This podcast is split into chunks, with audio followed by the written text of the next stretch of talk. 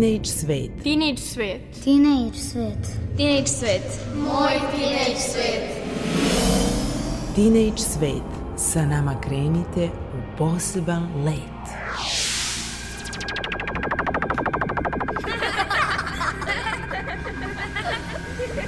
Kreativan deči svet.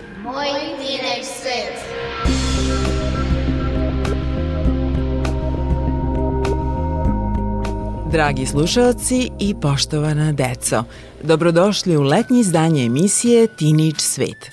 Ja sam Mira Petrušić i obećavam vam zanimljivo druženje koliko ostanete sa nama narednih sat vremena, jer ćemo se naravno družiti uz dobru muziku i pričati o radiodrami za decu koje se snima u našoj kući, a reč je o stvarenju Stojiša i Mladen u režiji Nenada Miloševića, a potom ćemo vas putem zvuka povesti na čudesno putovanje kroz dečije stvaralaštvo, jer ćete čuti radiodrame u izvođenju dečih glumaca, dramskog studija Čarolija, koji su na nedavno završenim Zmajevim dečim igrama na sceni uživo izveli radiodrame koje su stvarala deca, tinejdžeri.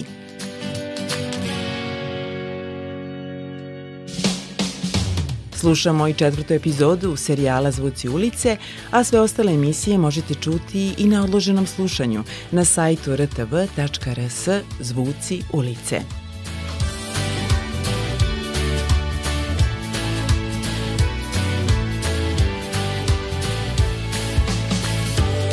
I na samom početku emisije najavljujemo program Dečje kulturnog centra Novi Sad, a saznaćete i na koji način možete da se prijavite za program raspustilišta, a o tome nam govori urednica programa i projektna menadžerka Senka Petrović.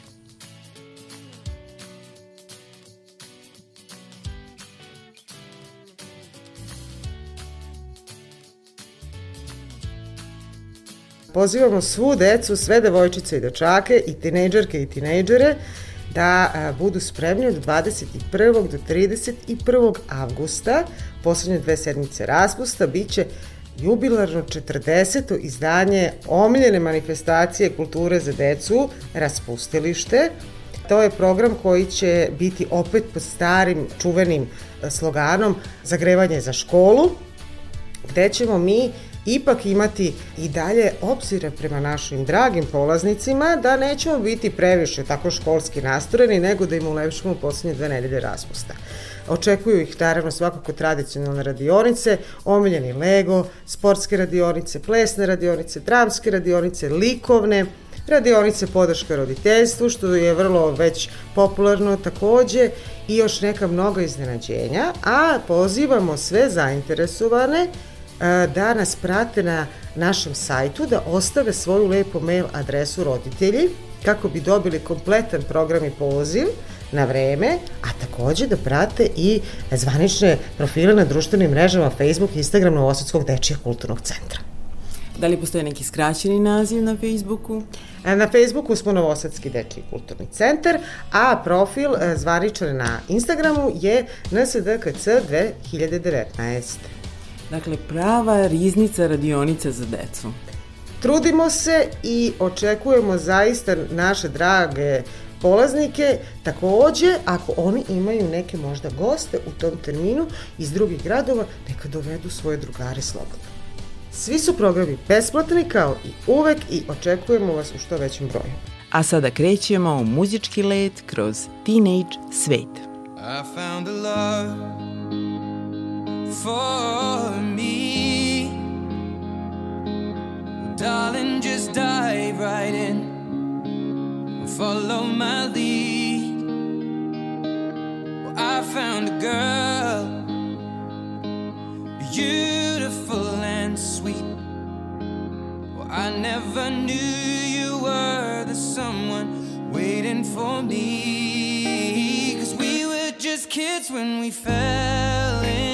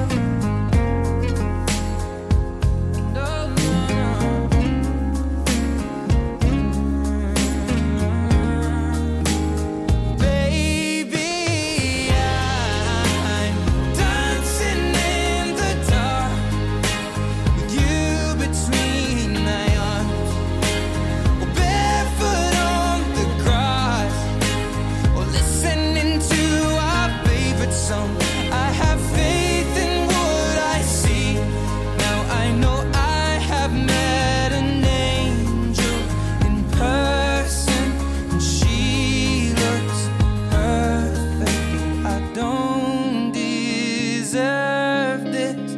You look perfect tonight.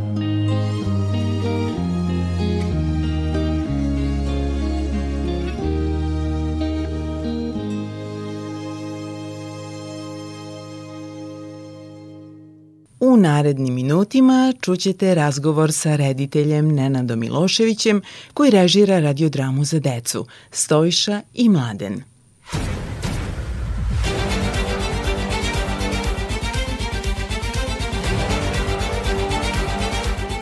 U emisiji Teenage Svet pričamo o jednom zanimljivom projektu koji se dešava u okviru naše kuće, a reč je o radiodrami Stojša i Mladen u režiji Nenada Miloševića, koji je naš gost upravo. I dobar dan i dobrodošao u Teenage Svet. Veliko hvala na pozivu. Kako iskustvo bilo raditi na snimanju ove radiodrame? U okviru naše kuće nisam radio još uvek, ovo je prva radiodrama. Radio sam za vreme akademije nešto posle i nešto što su ovaj, više tonski projekti i eksperimenti.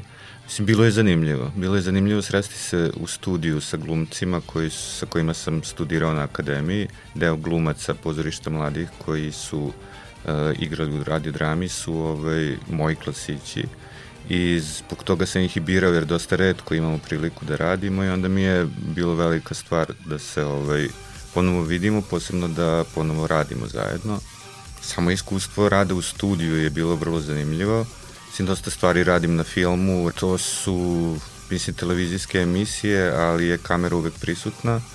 Tonu sam od uvek davao veliki značaj u, u svom radu i onda je sada ovaj projekat bio koncentrisan naravno samo na tonsku sliku i to je bio izazov za mene i velika stvar je bila e, pokušati iskoristiti sve potencijale studija naše koje imamo dole, raditi sa tonskim snimateljima i ove dizajnerima tona i sve skupa mi je onako jedno predivno iskustvo. Pretpostavljam da je sam tekst bio inspirativan da se snimi jedno ovako čudesno štivo. Ko je pisac? Marija Payne je e, dramaturškinja koja je pisala ovaj tekst i to je, ako se ne varam, njen diplomski rad ili tako nešto na Akademiji umetnosti. E, meni je tekst sam po sebi bio zanimljiv jer je e, dosta, dosta su redki tekstovi za mlade, za tinejdžere, moglo bi se reći da je ovo ta neka ciljna grupa koju, na koju igra tekst. Ono što je zanimljivo je da, da je negde u osnovi temelju tog dramskog predloška zapravo neka epska priča koju, ili delovi različitih epskih priča e, koji su neka slovenska mitologija, koja je prilagođena za današnje mlade, za današnje vreme i to je ono što je bilo zanimljivo kako odgovoriti tako postavljenoj osnovi e, samo zvukom. Jer ima dosta fantastičnih zapravo fantastičnih momenta koji, koji su recimo Zmajevi su ovaj, neki od likova u ovoj drami ima e, dosta tog arhajskog, sa druge strane jako modernog. Zapitao sam se kako odgovoriti na to, u suštini je priča uvek ista, zapravo je priča o onome idejnom nivou i kako dosegnuti tu ideju koju je zapravo Marija Payne želela da, da prenese. To je naravno bilo uz razgovor sa glumcima, na probama, došli smo do tog nekog idejnog nivoa koji smo dosta zgodno i lako ostvarili. Pretpostavljam da je borba za pravdu, slobodu i istinu ideja vodilja ove radiodrame ili ima tu još nečega?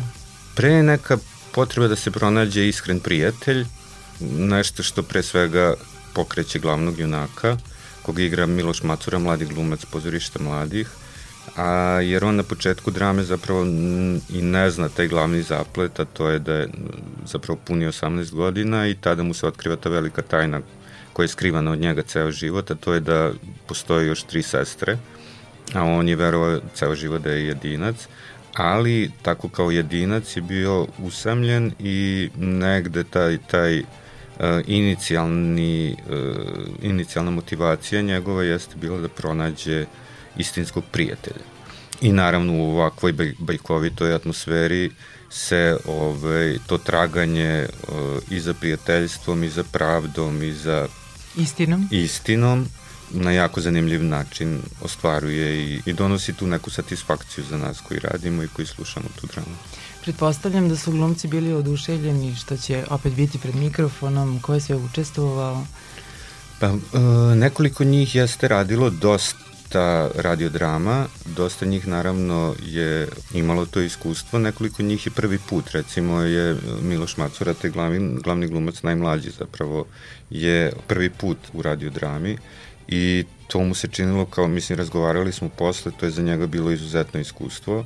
Mislim, naravno da je poželao da radimo ponovo i da pokuša, jer potpuno za glumca je to igrati glasom jedan drugi, drugačiji doživljaj, jer se aktiviraju neke druge veštine i e, svaki izazov za glumca kao takvog je ovaj, velika stvar, a radio čini to da neke stvari koje su naučili pokušaju da samo kroz jedno čulo prenesu publici i to ta prepreka zna da bude jako učinkovita za njih zapravo.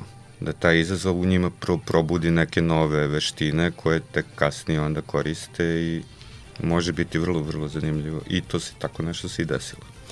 Preostaje mi samo da te pitam kada se očekuje premijera. Mislim da će biti vrlo skoro, pošto sada imamo samo kontrolno slušanje i mislim samo one fine, fine korekcije će se uraditi, tako da moguće u sledećih, to za, zapravo sam siguran u sledećih mesec dana da bi trebalo da bude premijera. Mi ćemo rado najavljivati i nadam se da ćemo moći neki insert da pustimo u nekoj od naših emisija. Ja se nadam takođe. E, još samo da te pitam za tvoje ostale projekte koji su u domenu e, televizijskog stvaralaštva, da li bi se nešto od toga dopalo tinejdžerima?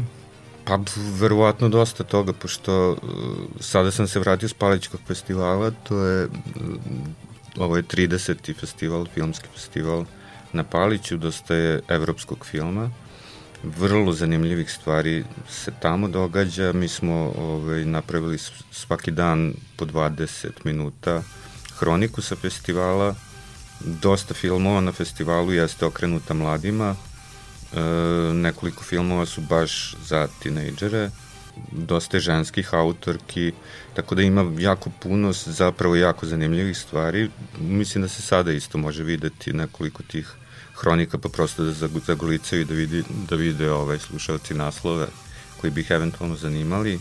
Pravim emisiju o filmu, Kratki rezovi, ovo će biti šesta ili sedma sezona, sada kad krene nova programska šema. Radim nedeljno popodne, radim dosta tako stvari, ali film pozorište mi je nešto što me najviše privlači. Hvala ti puno na gostovanju. Naš gost u Teenage svetu bio je reditelj Nenad Milošević. Svako dobro. Hvala puno na pozivu. Hey Fonsi. Oh no, ¿qué pasa de mí? Mm. Hey, yeah. Tengo en esta historia algo que confesar. Ya entendí muy bien qué fue lo que pasó. Y aunque duela tanto, tengo que aceptar que tú no eres la mala, que el malo soy yo. No me conociste nunca de verdad. Ya se fue la magia que te enamoró. Y es que no quisiera estar en tu lugar, porque tu error solo fue conocerme. No eres tú, no eres tú, no eres tú, soy yo.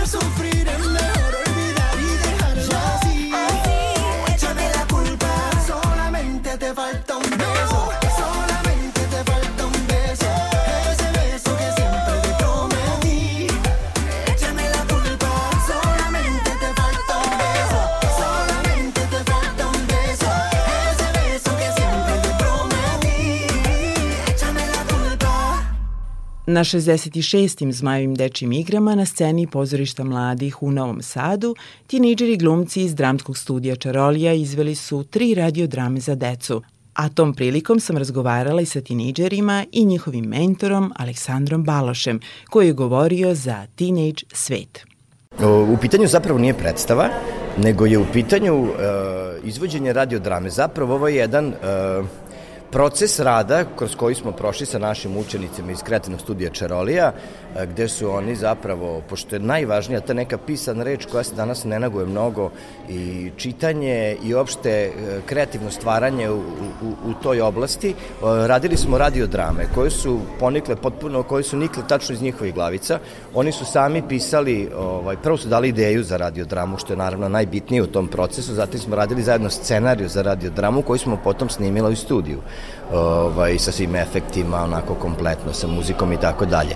Danas ćemo videti izvedbu njihovih radiodrama, zapravo neće biti efekata, već će e, fokus biti upravo na tom čitanju i na glumi i na celoj priči koju su oni smislili. Tako će biti jedan malo neobičan nastup, četiri radiodrame ćemo danas ovaj slušati i verujem da će svi uživati jer su dosta maštoviti i neobični. Deca iz dramskog studija Čarolija pričaju o svom iskustvu i učestvovanju u radiodramama koji su sami stvarali i uz buran aplauz izveli na sceni pozorišta mladih u Novom Sadu.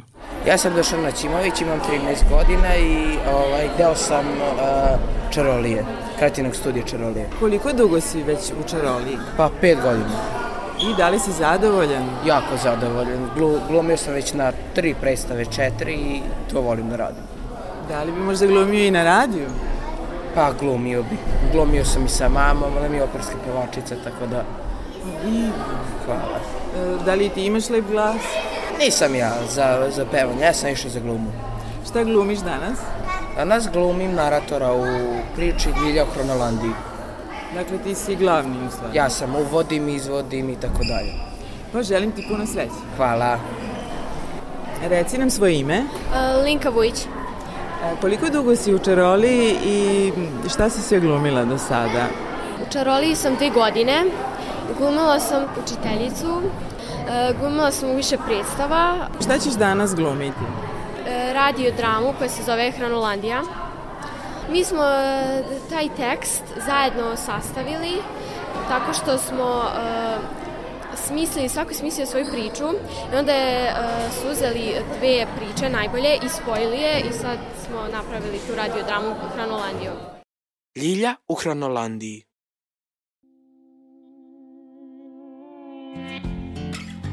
Svaka priča ima početak, pa tako i ova naša. Večer je. U kući porodice Danesić odvijalo se jedno uobičajeno porodično večer. Ljiljo, gde je moj punjač? Opet si ga uzela. Nisam ja, uzela ga je Lena. Laže, nisam ja, vratila sam ga juče na mesto. Pa dobro, gde je onda? Ne znam. Sestre su se po običaju spremale na spavanje, majka je prala sudove, dok i otac na TV-u gledao sportske kanale. I veče je bilo baš kao i svako drugo. Sve do jednog momenta. Ajde, ajde. Ma šta je ovo? Jel moguće? Na samom kraju utakmice. Milorade, nestalo je struje, idi pogledaj osigurače. A naravno da ću pogledat. Mama, ja. Smiri se, doneću ti lampu. Ljilja krene kroz mračan hodnik, međutim zapne za Linu igračku, sapleti se i poleti niz strme stepenice. I udari glavom u ulazna vrata. Izgubila je svest. Topli zraci sunca nežno su golicali Ljiljino lice. Ona polako otvori oči. Nebo, kako je plavo. Tada lagano ustane i pogleda oko sebe. Wow, kakvo prelepo drveće. Zatim začu neku pesmu i spusti pogled ka travi gde ugleda prelepe cvetove koji su, zamislite, plesali i pevali.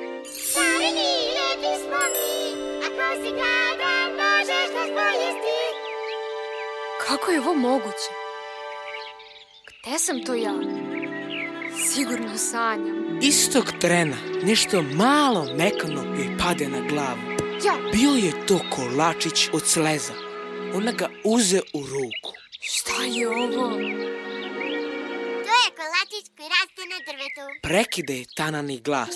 Ona pogleda oko sebe i na vrhu jednog cveta ugleda malog crnog mrava. Hranolandiju! Čarobni svet i hrane. Ovde niko nikada nije gladan. U tvoju čas predlažem da... Zvuk fanfara prekide mrava. Dolaze kralj kraljica. Brzo, ukloni se kao ja. Uz glasan kas konja pojave se kraljevske kočije. Iz njih se začu ženski plač. Na vratima kočije pojavi se kralj, pruži ruku Ljilji i reče. Uđi, draga moja. Ona uđe u kočiju i ugleda kraljicu kako gorko plače. Dobar dan. Zašto plačete? Mogu li vam nekako pomoći? Kraljica odgovori. Velika nas muka muči. Svake godine u isto vrijeme sivoj veštici moramo odneti kolač koji se pravi od specijalnih sastojaka. Hajde, draga, možeš ti to. Ukoliko se desi da ga veštica ne dobije, obećala je da će posjeći sve šume Hranulandije i da će popaliti sva polja. A to znači da ćemo ostati bez hrane. Pa, pa dobro, hoćete ga napraviti? U čemu je problem? Problem je u tome što su glavni sastojci za njegovo pripremanje iznenada nestali. Zato i plačem. Gotovo je sa našim svetom. Ljilja ih blago pogleda i reče.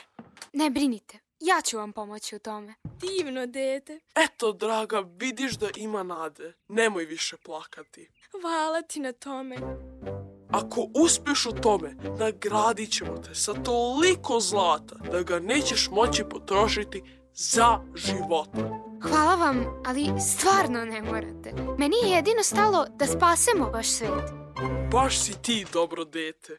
A sada, draga moja, sve će ti objasniti naš dvorski čarobnjak Verlix. Pred Ljiljom se stvori stari čarobnjak. O, dobar dan. Ne, ne govori ništa. Sve ću sam pogoditi. U, u redu. Ti si Ljilja i ovde si zbog plavog kestena. Ne. Ovaj, ovde si zbog, mm, zbog pčelenjih kolačića. Ne. Znam. Ovde si zbog raspevanih pečuraka. Ma ne, ovde sam da vam pomognem sa sivom vešticom. Stani! Znam. Ovde si da nam pomogneš sa sivom vešticom. Neverovatno. Vidi da sam pogodio. Verlix nastavi. Sada me dobro slušaj. Ovo su sastojci koji su nam potrebni, a nestali su. Jaje velikog zelenog zmaja. Med od dvoglave pčele. I prah od trolovog nokta. Vojnici su ih tražili deset dana, ali bezuspešno. Vremena više nema. Sutra u osam časova veštica mora dobiti kolač ili smo gotovi. Sve sam razumela, ne brinite, daću sve od sebe. Ona se pozdravi sa svima i tamo da krene kad je prekide mrav. Sačekaj, idem ja za tobom. Ona se nasmeši, pruži prst prema mravu koji se uz njega popne Ljilji na ruku pa na ramu. Krenuli su.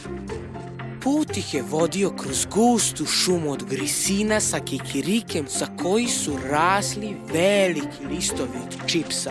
Wow, pitam se kakvog li je ukusa. Ona uzbere par listova i poče ih jesti. Mm, kako je dobro. Lagano su ulazili sve dublje i dublje u šumu.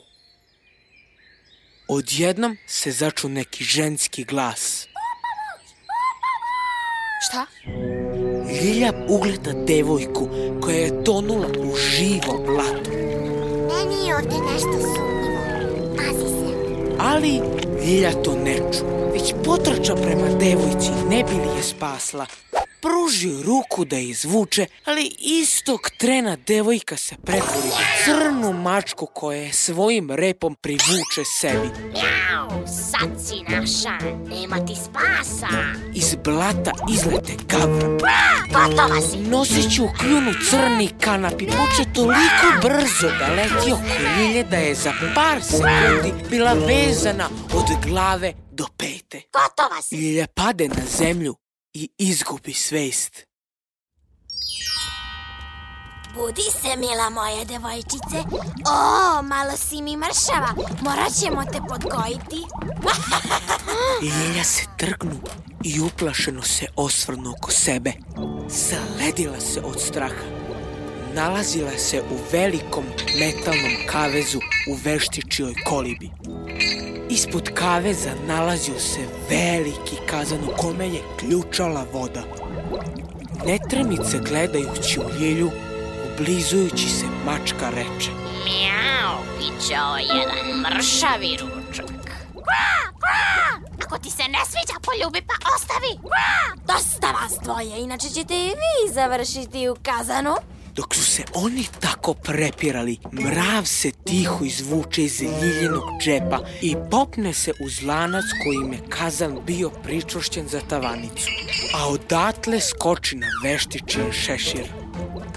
Veštica na stolu ostavi varjaču i sede u fotelju da se odmori. Ubrzo zaspa. Mrav poče gledati oko sebe. Gde su ti ključevi? Gde su? On ugleda svežanj ključeva koji je visio na zidu iza fotelje. Mrav se zamisli. Hmm, jedan od njih sigurno mora biti ključ od kaveza. Ali koji? Kako ću ga uopšte ja ovako mali dovući do Lilje? Iz razmišljanja trgne ga nečiji glas. Hej, druže! Ko je to? Gde si? Ko si? Samo polako i bez panike. Pogledaj iznad sebe. Mrav podiže glavu, pogleda iznad sebe i ugleda crnog pauka koji je visio na svojoj mreži. Ja... A, nećeš mi ništa? Mislim, nisi gladan i tako to, a? Hoću, hoću. Š- šta hoćeš? Hoću da ti pomognem. Da mi pomogneš? Stvarno? Nisi ti jedini kome se ova veštica zamerila. Prošle nedelje sam taman završio novu mrežu. Pravo remek delo. A ova veštica je jednim potezom metle pokidala. I to namerno. Rešio sam da joj se odužim i od tada smo smrtni neprijatelji. E pa onda smo na istoj strani. Slušam. Vidim da markaš one ključeve na zidu. Nisi siguran koji otključava kavez. Ja znam koji je. Divno. A mogu ti ga i dovući svojom mrežom. Da znaš, neću ti ostati dužan. Važi, druže. Dva nova druga sačekaše da Gavran i Mačka izađu napolje, a onda se baciše na posao. Pauk se tiho spusti do svežnja ključeva i svojim nitima odmota jedan mali zeleni ključ. Poče ga vući prema mravu. Ne prema meni, daj ga Lili. Važi, druže. Veštica se trgne, nešto promrmlja Vidiš na nastavi da spava. Zanjiši ga. Pauk zanjiše svoje niti paučine na kojima je bio ključ. Kada to ugleda Ljilja pruži ruku kroz kavez. Hajde, hajde. Hvataj! Hopa! Ključ joj pade tačno u dlan. To, imam ga. Ona otključa kavez, izađe iz njega i tiho krene prema vratima kolibe. Samo da me ne čuje. Međutim, zapne nogom za stučić i čaša vode koja je bila na stučiću koleti i prospe se pravo veštici u lice. Šta? A znači tako, bežiš? E, neće moći. Ona krene prema Ljilji, ali Pauk zategne svoju mrežu tako jako da se veštica zatetura, zapne i padne pravo u kazan. Iz kazana poče kuljati gusti crni dim, toliko gust da se za par trenutaka u kolibi nije ništa moglo videti. Koliki dim. Aha, evo ga prozor. Kada se dim razišao, imala je šta da vidi. Na sred sobe stajala je veštica, ali toliko mala da je bila manja od mrava. Šta? Šta? Ona sićušnim glasom reče. Pa jesi stvarno mala. Pauk se već oblizivao Njama, njama. kada ga Ljilja zaustavi. Stani, pružit ćemo joj još jednu šansu. Želiš li je? Da, da, poštedite, evo sve ću uraditi. Priznajem, ja sam ukrala sve sastojke kako bi imala opravdanje da unesrećim ovaj svet. Ispod mog kreveta nalazi se velika metalna kutija, svi sastojci su u njoj. Evo, evo vraćam ih. Ona izvadi tu kutiju i otvori je. Sve je tu, divno. Uspjeli smo! Kako su obećali, tako su uradili. Poštedeli su vešticu koja je dodatno obećala da će postati dobra. Uzeli su se sastojke za kolač i uputili se prema kraljevstvu. Ispred zidina zamka dočekao ih je čarobnjak Verlix. Preko ramena visila mu je stara vreća u kojoj je stavljao čudne biljke koje je brao. Stanite! Ništa ne govorite. Sve ću pogoditi. Opet ista priča. Hajde, izvolite. Dakle, stižete sa dalekog puta, Da, borili ste se sa nekim, da, nosite nešto važno, da. znam, nosite crvenu pečurku za kraljevu sopu. Ma ne, donosimo tri čarobne sastojke za kolač. Ali samo da znate, vešica ga više nikada neće tražiti. Ima druge velike probleme. Znači, uspeli ste. Baš sam hteo to da pogodim. Nisam ni sumnjala. On skide sa leđa svoju vreću i pruži je Ljilji. Pridrži mi ovo. Aha. Ona uze vreću i kako je zabaci na rame. Njena težina je povuče unazad i ona izgubi ravnotežu. Padne i velikom silinom udari glavom u kamen. Ona se onesvesti. Liljo, Liljo, budi se, dete moje. Nije ništa strašno, samo si udarila glavu. Izgubila si svest. Ljilja otvori oči i potpuno zbunjena pogleda oko sebe. Mrav, gde je mrav? A čarobnik Velix? Gde se on pojavio, mama? Moramo da požurimo do kraljice. Ja, dete moje, šta to pričaš? Si dobro? Samo si ružno sanjala. Sanjala sam. E, izgleda da je glavu lupila malo jače. Ljilja se malo pribere i shvativši da je u svojoj kući reče. Au, kakav san. Sve je delovalo tako stvarno. Hajde, dete moje lepo da se istuširaš, pa će ti mama skuvati jedan čaj. Dobro si se udarila. Mama tako i uradi. Tata je i dalje gledao TV, a Lena se igrala na stepenicama. Iznenada joj pažnju privuče stara vreća. Nalazila se ispod stepenica. Mama, ovde je neka stara vreća, izgleda prljavo. Šta? Kakva vreća? Ostavi je, može od pijace. Dobro. Sutra ćemo videti. Lena spusti vreću i ode u svoju sobu.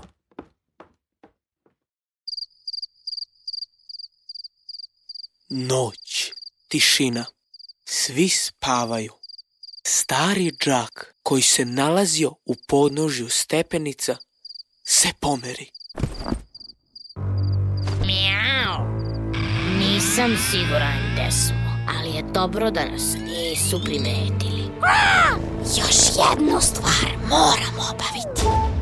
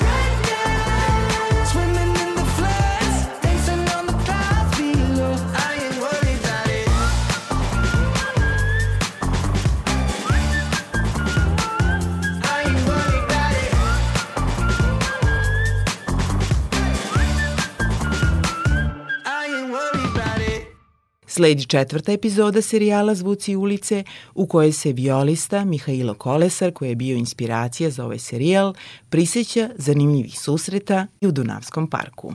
Šetajući ulicama grada, stalno čujemo zvuke i srećemo ljude.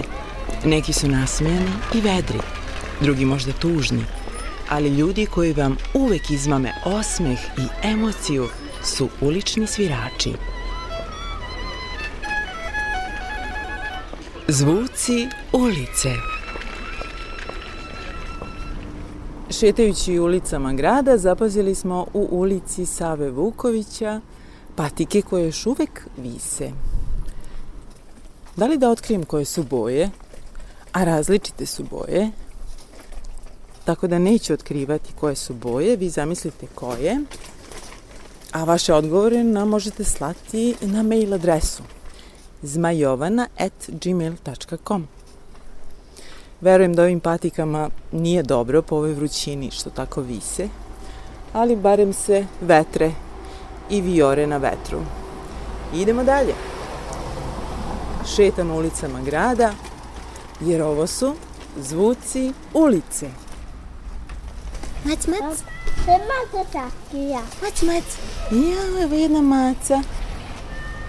Belo-siva maca šeta po dvorištu vrtića Zlatna greda.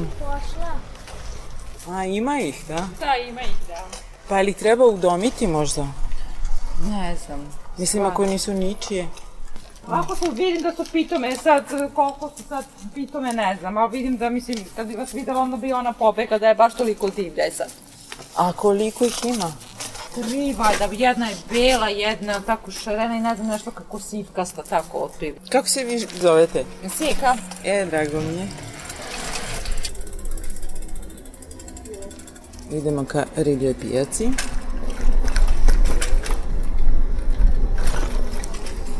U domi pandu za 299 evra mesečno.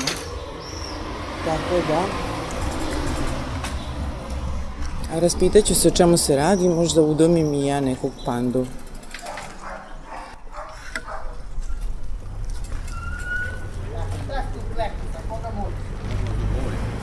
Dobar dan. Dobar dan, želim. Kako ste, madam? Izvolite. Uzmete kartu. Pa evo, Si dobra? naravno. Kao i uvek. A koliko je ova haljina, roza? Roza je 2000, probaj ovu dragu. Ja, pa nemam vremena. Ajde u povratku ću.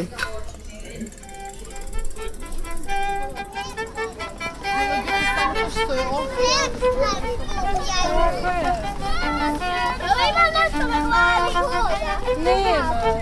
Idi. Vidi.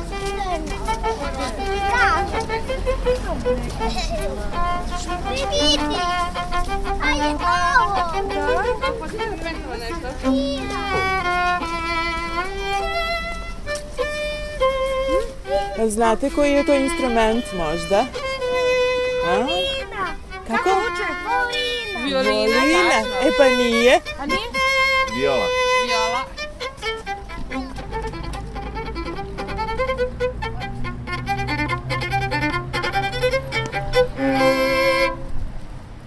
E pa ovo je bilo dobro. Volina.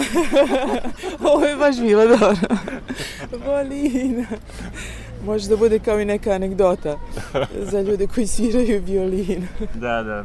Imao sam jednog momčića sa nepune dve godine tu se vozio sa tatom i stalno je tražio da dođu do mene, a kako je to tražio? Ina, Ina. Skraćeno, Samo skraćeno. i došli, dolazili su ovde dosta često da me slušaju i onda su čak nabavili i jednu malu violinicu, osminku, pa je on nešto malo probao sam da svira kod kuće. E pa lepo. Baš lepa priča. Ima li još takvih nekih Ja, anegdota? i, ima, ima. Bila je jedna devojčica s majkom, nosila je kokice u ruci i jela. I zastali su pored mene da poslušaju. Kad sam završio pesmu, ona je dala te kokice majici da pridrži da bi ona mogla da aplaudira. Ja sam joj se od srca zahvalio i ona je onda rekla imam kod kuće u kasici 300 dinara, a ovde nemam ništa, sve bih ti dala, rekao, devojčice, ovaj aplauz koji si mi prvo dala, to je mnogo vrednije od svih tih 300 dinara što bi mi dala. I nije im dalo mira, uh, nagovorila je majku da sednu pored mene i da slušaju i onda su preturali po majčinoj torbi, izgleda nisu imali baš ni dinara. I onda su našli jednu jelkicu za kola što se osvežava vazduh i onda mi je ona ubacila jelkicu u ovaj, šešir. Kad sam završio tu pesmu koju sam svirao u tom, tom momentu, uzeo sam tu jelkicu i rekao joj ja nemam kola, ali ću staviti tu jelkicu u moju futrolu da će me to podsjećati na tebe. Pa baš je da divna priča. Jest. Tako da ima tako, ima lepih priča.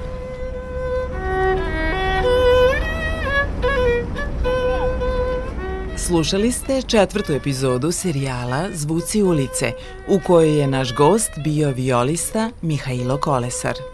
Srdačno vas pozdravljaju ton majstor Damjan Šaš i autorka Mira Petrušić. Svako dobro i do slušanja.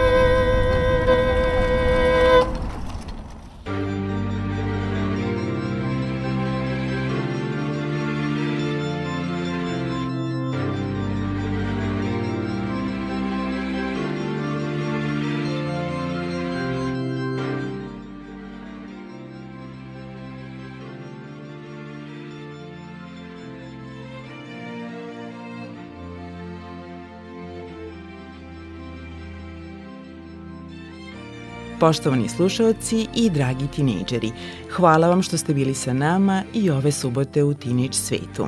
Sve naše emisije možete čuti na sajtu rtv.rs odloženo slušanje Teenage svet. Srdačno vas pozdravlja udružena ekipa koja je zajedno radila na stvaranju ove emisije, a to su muzička urednica Maja Tomas, ton majstor Marica Maca Jung i autorka emisije Mirjana Mira Petrušić. Srdačan pozdrav i do slušanja!